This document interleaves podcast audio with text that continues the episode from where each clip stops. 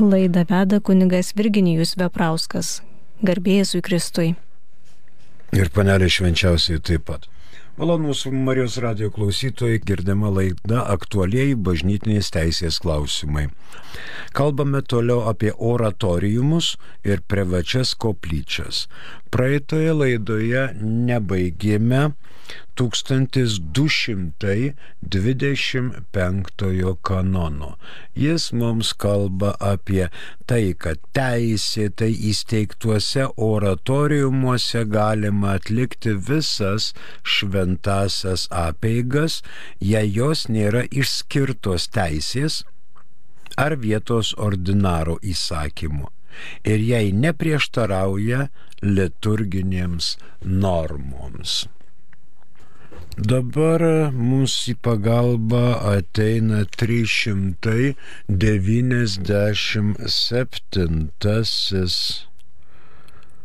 934 kanonas apie švenčiausiąją Eucharistiją. Švenčiausioji Eucharistija privalo būti laikoma katedros ar jai prilygintoje bažnyčioje, kiekvienoje parapinėje bažnyčioje ar bažnyčioje arba oratoriume prie vienuolinio instituto ar apaštališkojo gyvenimo draugijos namų. Toliau. Švenčiausia Euharistija gali būti laikoma vyskupo koplyčioje ir vietos ordinarui leidus kitose bažnyčiose, oratoriumuose ar koplyčiose. Šventosiuose vietose, kur laikoma švenčiausia Euharistija, visuomet privalo būti tas, kuris ją rūpinasi. Ir, kiek įmanoma, kunigas ten turi celebruoti mišes bent du kartus per mėnesį. Kitas 936. Vienuolinio instituto ar kituose maldingo gyvenimo namuose švenčiausia Euharistija turi būti laikoma tik tai bažnyčioje ar pagrindinėme oratoriume prie namų. Tačiau dėl pateisinamos priežasties ordinaras gali leisti ją laikyti ir kitame tų pačių namų oratoriume. Faktiškai tai yra suprantama taip, kad jeigu koplyčia yra nesujungta su vienuolynu. Pavyzdžiui, vienuolynas yra pasagos formos, o koplyčia yra vidurie kiemo ir nesujungta su vienuolynu. Reikia leidimo tokios koplyčios Eucharistijos laikymui. Bet jeigu vienuolino patalpose yra koplyčia, pirmam, antram, trečiam aukšte arba kažkokiam fligelyje atokiam įsteigtam tokiam vienuolynę, tai tokio leidimo iš vietos vyskupo tikrai nereikia, suponuojama, kad jau yra leidimas. Bet jeigu koplyčia nesujungta su vienuolynu, tokio leidimo reikia. Rytų kanonuose atitikmens šiam kanonui nėra. 1225 pabaigėme, fiksuojame. Teisėtai įsteigtuose oratoriumuose galima atlikti visas šventasias apeigas, jei jos nėra išskirtos teisės ar vietos ordinaro įsakymu ir jei neprieštarauja liturginėms normoms. Dabar kitas 1226. Privačia koplyčia, vadinama vieta dieviškajam kultui, vietos ordinaro leidimu paskirta vieno ar daugiau fizinių asmenų geroviai. Tai maždaug čia yra privačios koplyčios definicija. Tai yra panašiai kaip ir viešoji koplyčia arba oratoriumas. Gali, pirma mintis, gali būti atskiras pastatas arba tam tikro pastato dalis. Pavyzdžiui, pilies koplyčia. Žinome, kad e, Tiškevičių rūmuose palangoje dešiniai pusiai buvo tam pačiam pastate įrengta koplyčia. Dabar ten žinoma paveikslų galerija yra, bet pavyzdžiui rūmų arba pilies koplyčia. Gali tai būti. Tai privataus asmens nuosavybė. Mus pasiekė SMS žinutė, taip? Garbėzui Kristui. Norėčiau paklausti apie votus. Girdėjau, kad jie aukojami ne tik padėkoti už gautas malonės, bet ir už geidžiamas dovanas. Jei taip, ar tai nebus laikoma simonija? Kai norima nusipirkti šią malonę, klausė Artūras. O kodėl čia jūs galvojate, kad reikia pirkti šitą malonę? Dievo malonė yra išprašoma. Išprašoma. Tuoj pasižiūrėsim, kas tas yra simonija. Turėkit kantrybės. Man atrodo, čia yra kažkur 140 devintas kanonas kažkur šitoj srityje. E, dabar, na, paskaitykime visus tris paragrafus. Pirmasis. 149. Kad kas nors būtų paskirtas į bažnytinę pareigybę, jis turi būti bendrystėje su bažnyčia ir tinkamas tai yra turėti visuotinės ar partikuliarnės teisės arba steigimo įstatymų šiai pareigybei reikalaujamas savybės. Antras. Bažnytinės pareigybės suteikimas tam, kuris neturi reikalaujamų savybių, negalioja, jei tų savybių, kad suteikimas galiotų aiškiai reikalauja visuotinė ar partikuliarnė teisė ar steigimo įstatymas. Kitais atvejais galioja, tačiau gali būti atšauktas kompetentingos valdžios dekretu ar administracinio tribunolo sprendimu. Ir va dabar šitas trečias, kuris mums rūpi. Simoniškas pareigybės suteikimas negalioja pagal pačią teisę. Tai yra ne votas, ne prašymas, bet pareigybės suteikimas simoniškas. Tai tas jau reiškia negalioja. Ačiū. Tai dabar kita mintis prie 1226 kanono mums gali ateiti į pagalbą 1214. Bažnyčia vadinamas šventas pastatas skirtas dieviškajam kultui, į kurį tikintieji turi teisę ateiti. Visų pirma, viešai praktikuoti dieviškąjį kultą tai yra bažnyčia. O čia privačia koplyčia. Tai ne vienam, tai gali būti vienam kuriam ar grupiai žmonių. Bažnyčia visiems, o privati koplyčia, kaip girdėjote, vienam asmeniui, dvarponiui arba karaliui kunigaikščiui ir jo šeimai. Tai nėra viešai visiems ateiti. Na, 1226 kanono trečia mintis.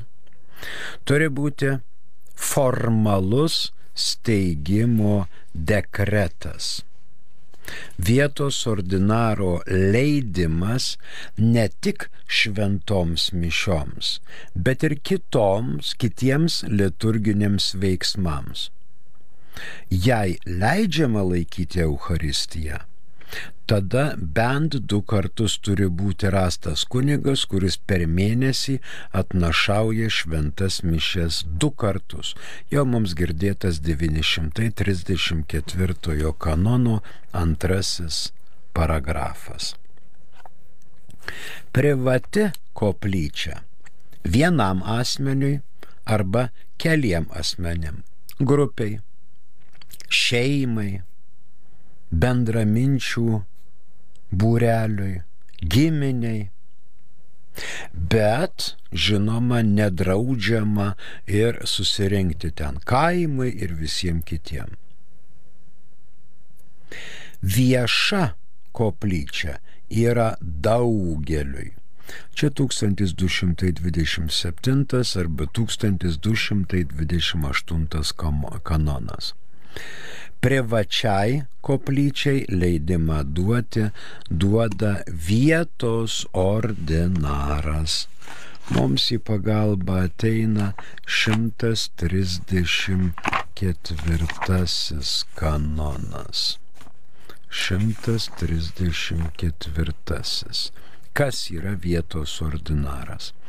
Be Romos popiežiaus ordinaru teisėje suprantami diecezniai vyskupai, ir kiti, kurie nors ir laikinai vadovauja bet kuriai daliniai bažnyčiai, ar pagal kanoną 368 jai prilygintai bendruomeniai, taip pat tie, kurie juose turi bendrąją, ordinarinę, vykdomąją galę, būtent generaliniai ir vyskupo vikarai, taip pat savo nariams popiežinės teisės dvasininkų vienuolinių institutų bei popiežinės teisės dvasininkų apaštališkojo gyvenimo draugijų aukštesnieji vyresnieji, turintys bent ordinarinę vykdomąją galę. Vietos ordinaru suprantami visi aukščiau išvardintieji išskyrus vienuolinių institutų ir apaštališkojo gyvenimo draugijų vyresniuosius.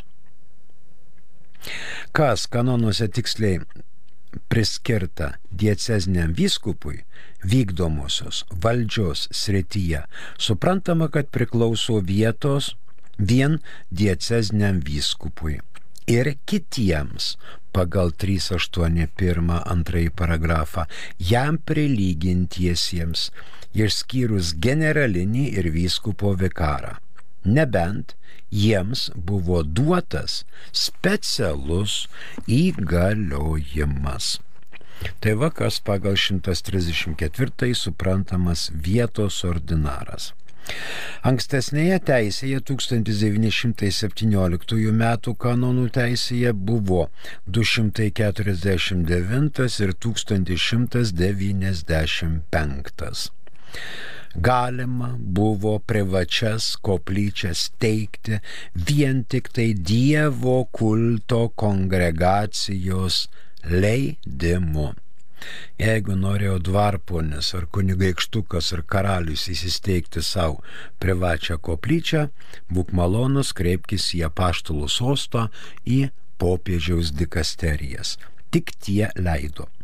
Dabar 83 metų e, redakcijoje leidžia vietos ordinaras.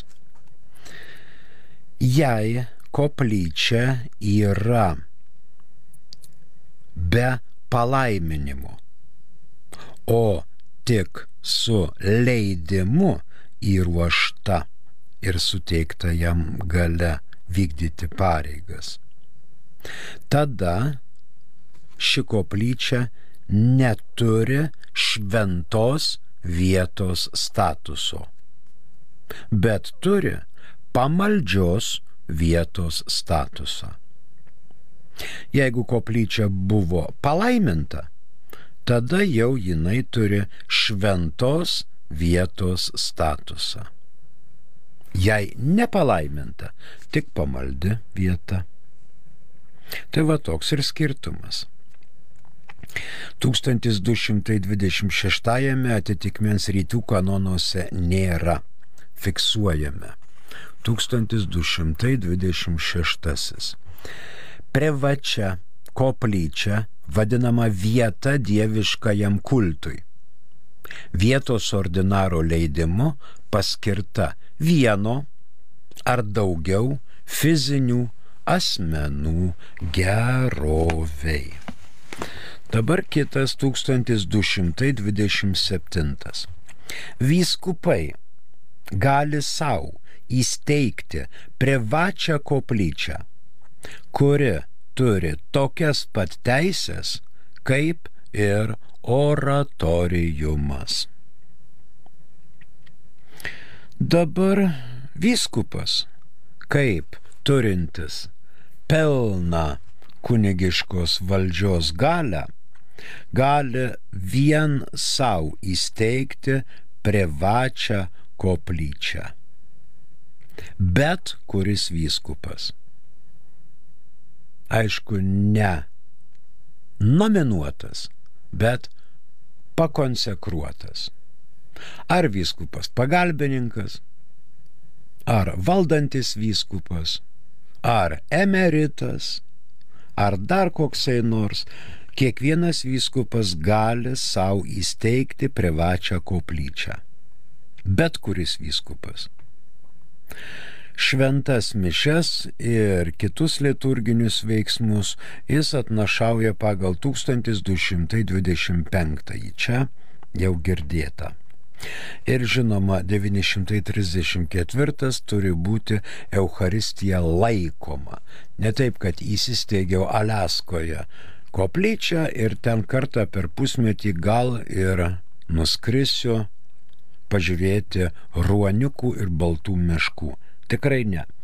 Bent du kartus per mėnesį minimum ten turi būti atnašaujama šventųjų mišių auka.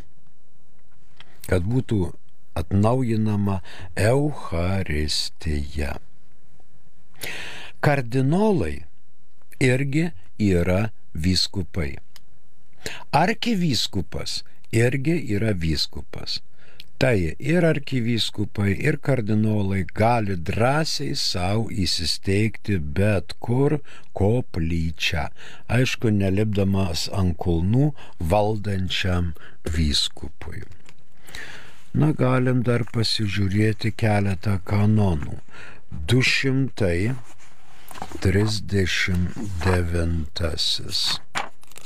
kanonas, ką iš išneka. 239.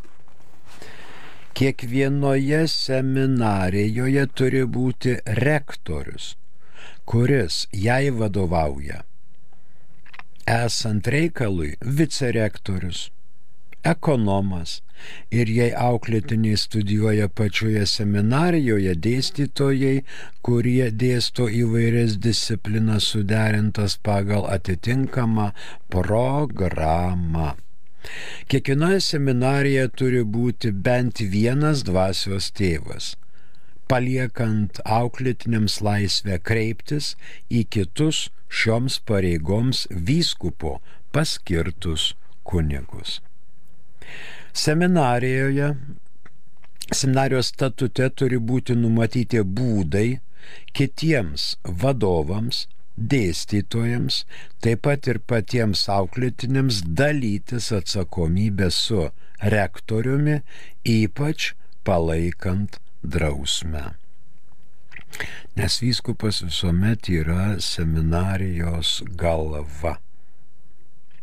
294 žvilgterėkime.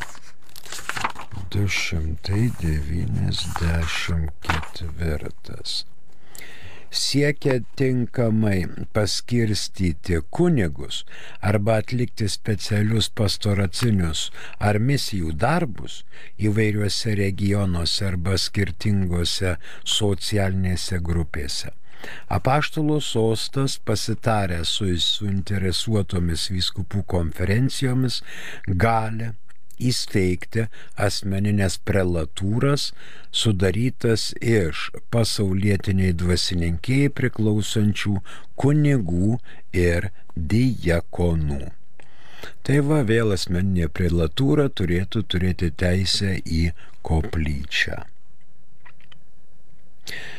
Na, dar, bet dabar Tai nuo 390, 351. Tuoj 351 kanonas. Pabėgo kažkur.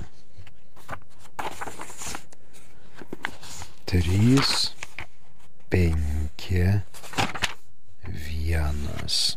Pirmas paragrafas. Pakeliamuosius į kardinolus Romos popiežius laisvai parenka iš vyrų turinčių bent kunigo šventimus, ypač išsiskiriančius doktrina, dora, pamaldumu ir išmintimi, tvarkant reikalus kurie dar nėra vyskupai, privalo priimti vyskupo konsekraciją. Tai va kardinolai. Ir jeigu kunigas paskirtas kardinolo priima konsekraciją ir tampa į, įgalus pasiskirti savo koplyčią. E, mus pasiekė SMS žinutė, bet ant ekrano aš kažkaip nematau. Na, perskaityti. Svajūnas iš Klaipėdos klausė, ar verta mokytis plaukti, nes jei tokia Dievo valia, tai nuskesi ir mokėdamas plaukti. Jei. Jei. O ką jūs žino Dievo valią?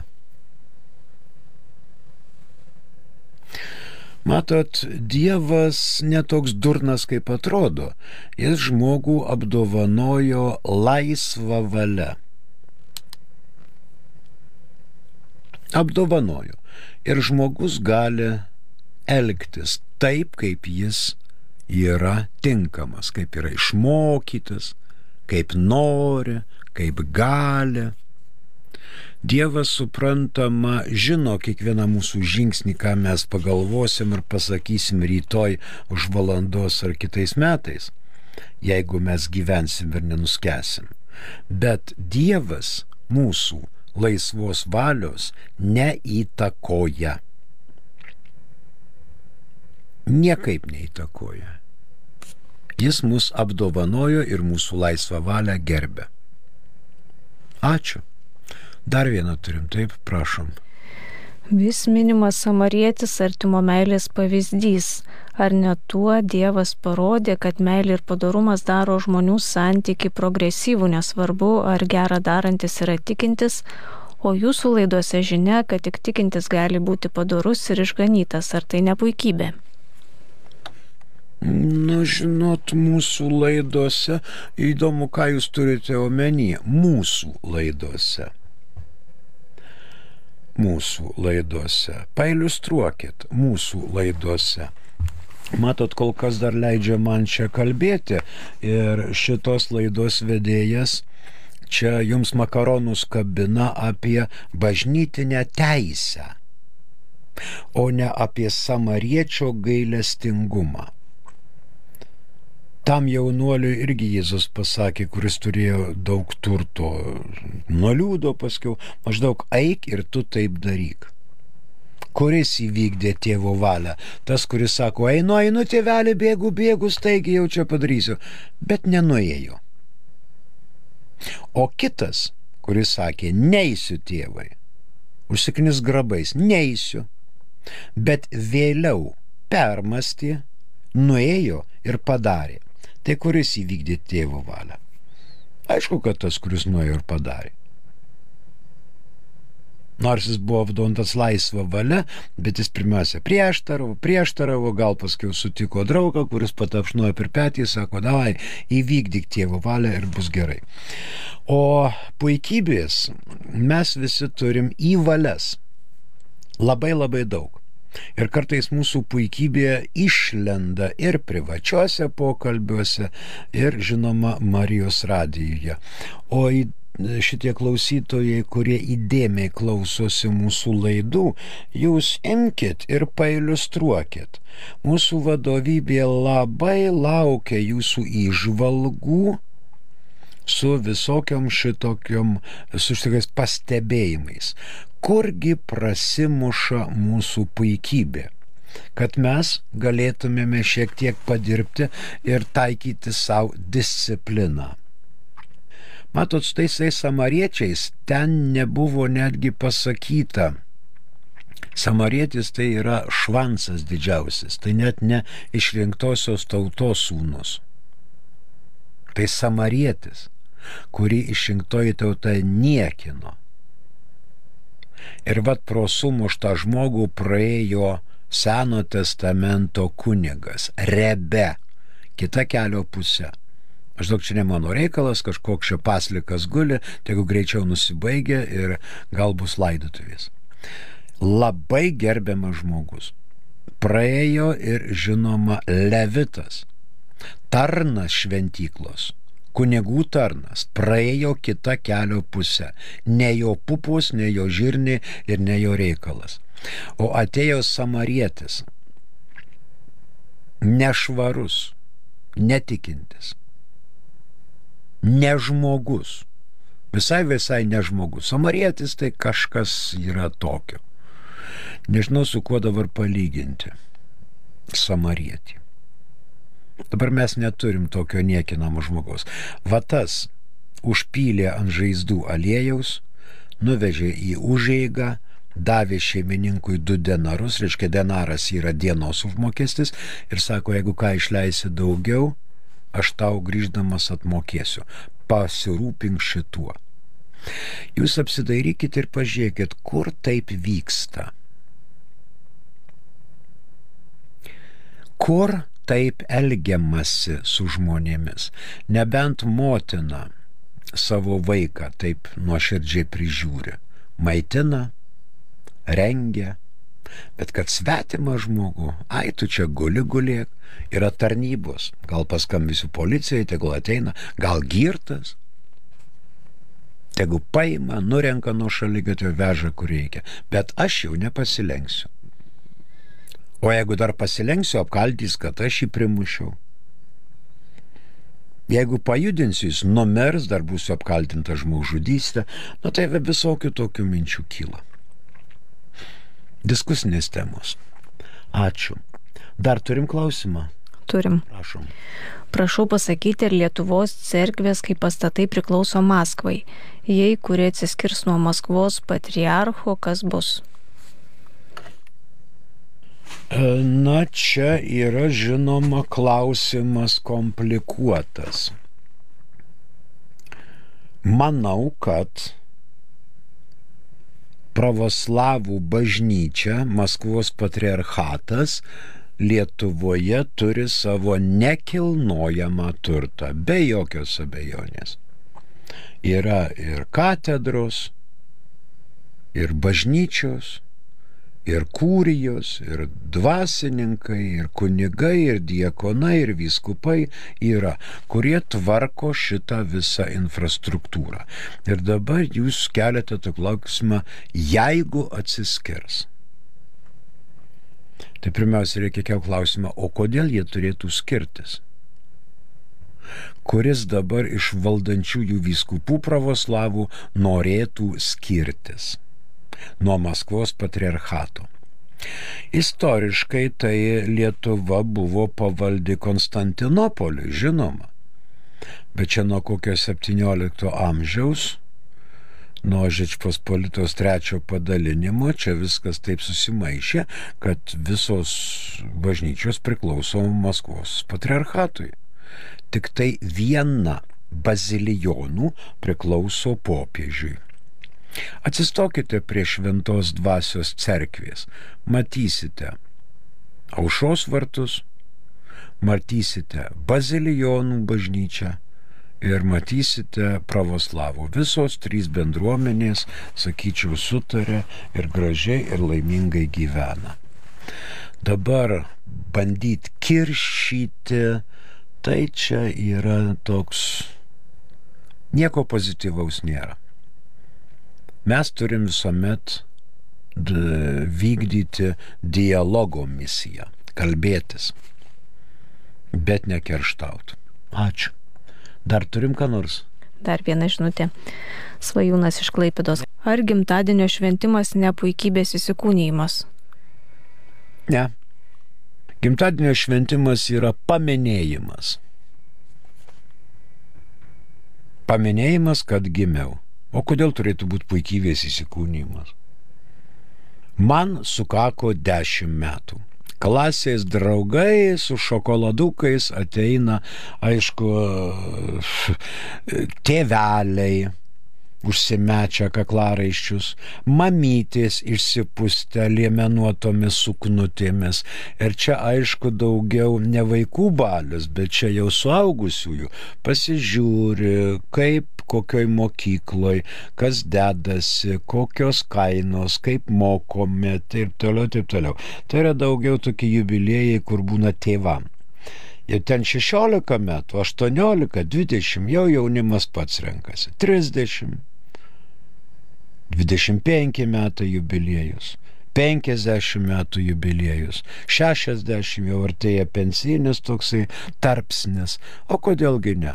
Darbo kolektyvas susirenka, nuperka kokią dėžutę šampano, pasveikina žmogų, padėkoja už darbą, padėkoja, kad nebuvo pravaikštų, kad e, sąžiningai buvo dirbama, o kas čia tokia?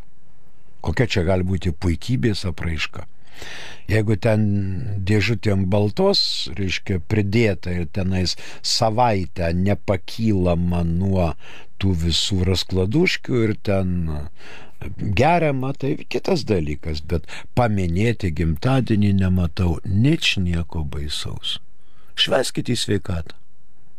Šveskite, šveskite į sveikatą.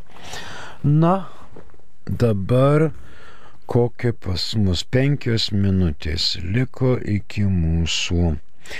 Minėjom, kad kardinolai irgi vyskupai 351 kanonas. 1227 atitikmens rytų kanonuose nėra.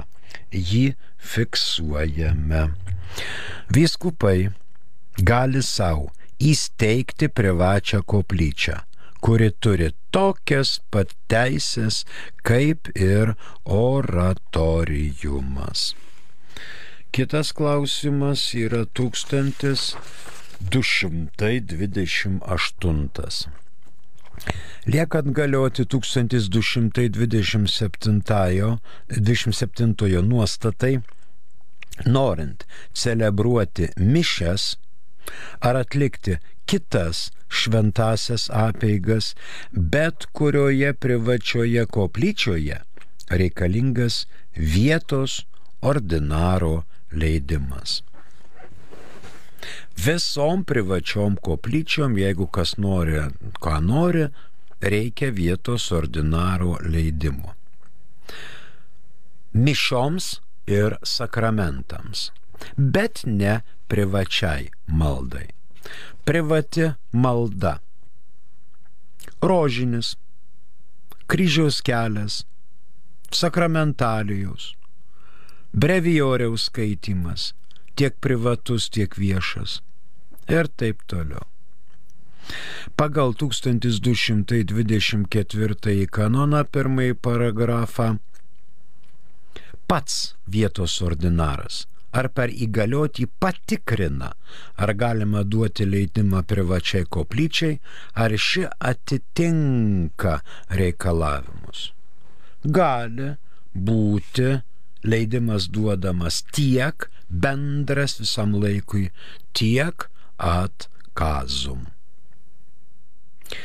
Galimas leidimas iš vietos ordinaro žodžiu, bet patariama raštu. Atvažiavo kunigas su piligrimais, nori toj koplyčioje atlikti mišes ir taip toliau. O pasirodo privati koplyčia. Tai kunigas skambina savo kurso draugui vyskupui, ir sako, ekscelencija, noriu čia mišių. O kas tau neleidžia? Vietos klebonas, duok ragelį. Ir viskupas pasako, šitam savo kursų draugui leidžiu čia. Gali jis egzekvijas ir libera ir mišes šiai dienai. Klebonė leisk. Jeigu reikės, parašysiu raštą. Gerai, gerai, viskas, eik laikyt, su libera, su zekvijomis gali ir breviorijų jungti su tuo, su tuo reiškia mišių laikymu. Galima leidimą duoti žodžiu, bet patariama raštu. Mus pasiekėsime žinutė, prašom. Jei kunigo šventimų niekas negali panaikinti, tai kodėl eks ar suspenduoto kunigo išpažinčių prieimimas ar krikštyjimai negaliojantis? Na ne visai taip.